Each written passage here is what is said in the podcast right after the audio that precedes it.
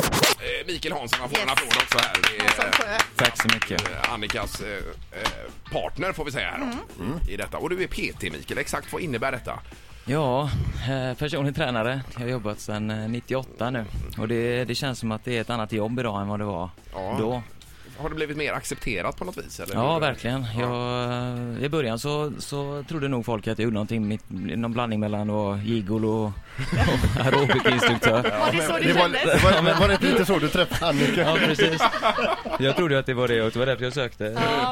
Nej men eh, nu är det ju mer accepterat såklart. Det är, var och varannan person har ju personlig tränare nu. Det är väldigt, väldigt vanligt. Men hur jobbar man då? Alltså, eh, för du måste ju ligga på ordentligt för att få de här eh, personerna igång då på något vis. Ja, nej, det är ju från person till person. Vissa behöver ju verkligen att man ligger på dem och skickar de här sms'en emellanåt och stämmer av hela tiden. Och Men, ringer eh, också och tjatar och, eller? Ja, nej, det är, det är ju Facebook och mail och sms och ringa och prata. Det är, må- finns många olika. Men finns Olika det några sätt. obotliga fall? Finns det några som du liksom inte har lyckats få i form? Nej, jag har inte varit med om eh, det ännu. Men eh, jag, kan- jag kan ju säga så att det blir ju, ibland blir det lite uppehåll som kan vara lite för långa kan Mm. jag känna. Ja, Men eh, jag, har inte, jag har aldrig känt att jag har gett upp på någon Nej. så. Eller Men någon de som kanske har slutat. gett upp på dig. Bara, nu skiter jag, jag orkar inte med precis. honom. Nej, men det går ju i perioder. Man eh, kan ju inte träna PT jämt kanske. Nej. Men eh, de flesta kommer ju tillbaka och sådär. Men eh, Så- ett no- normalt så att säga, kontrakt med dig då, hur, hur lång tid löper det över så att säga om du ska få någon i form? Ja, det beror lite grann på. Eh, Det är ju en ekonomisk fråga också såklart. Men eh, jag brukar ändå eh, lägga upp det så som att antingen så syns vi en gång i månaden eller så syns vi en gång i veckan. Vissa kör ju tre gånger i veckan som inte har någon eh, vidare motivation själv. Så det kan ju se väldigt olika ut. Mm. Ja, okej. Mm. Just det. Och hur lägger du upp en träningsform då när det kommer en person som säger jag vill komma i form? Ja, det är lite som Jonas sa här. Jag tyckte han sa det så himla bra. Jag kan knappt komma ihåg att jag har sagt det själv. Det var väldigt, väldigt bra. Det här med religionen tänker du på? Ja, precis. ja, ja. Nej, men det är verkligen så att man, jag försöker alltid hitta någonting som, eh, som de tycker är kul. För det, om man kan hålla det så vet jag att de kommer komma tillbaka. Mm. Och sen så kan man jobba ut därifrån. Om vi gör någonting som du tycker är kul nu så gör vi någonting som jag tycker är kul sen. Och så blir det någonting bra av det. Men alltså när du tar dig an någon ny som kommer upp, någon sån här riktig pota- säck potatis som jag själv då, så, och så kommer det upp. Gör du, t- gör du typ någon typ av besiktning av den kroppen innan? Det är så himla lustigt att du säger det. Jag brukar kalla det för kroppsbesiktning, första passet. Mhm.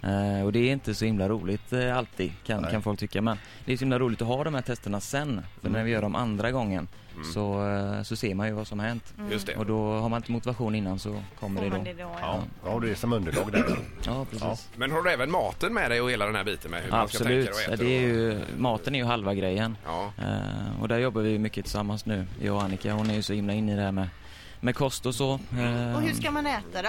Är det det här LCHF-tänket att man drar ner på kolhydrater och sånt? Ja, eller? LCHF, jag är inte så mycket för det. Eh, där är det så himla lite kolhydrater. Mm. Eh, och jag, hade inte, jag vet inte om någon hade orkat med mig om jag hade ätit så men eh, just nu så äter vi själva den här paleokosten. Och det är ju ja, stenålderskost Mhm. Mm. Vadå, om man det är säger. något nytt nu då? Paleo kallas det nya här nu då? Ja, det går ju lite i mode det också. Inte Mm. Ja, det bara är träning klart. utan med mat och så. Och vad också. innebär det då? Eh, stenålderskost. Ingen, eh, inga laktosprodukter eller me- mejeriprodukter och Nej. ingen gluten.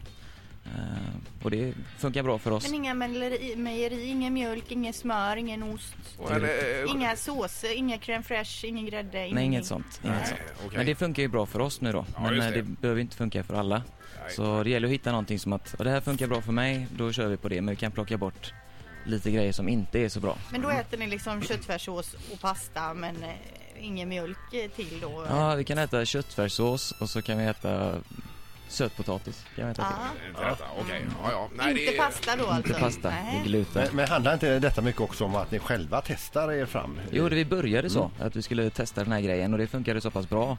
Så eh, att man mår så bra av det och då är det lätt att fortsätta också. Ja, just det. Men även, för ni har ju barn.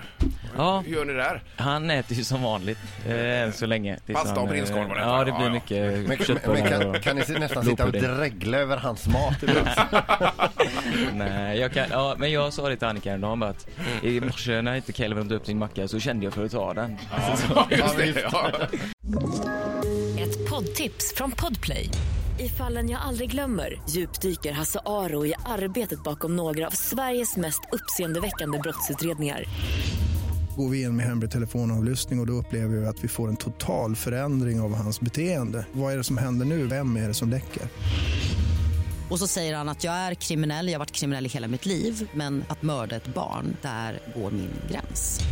Nya säsongen av Fallen jag aldrig glömmer på Podplay.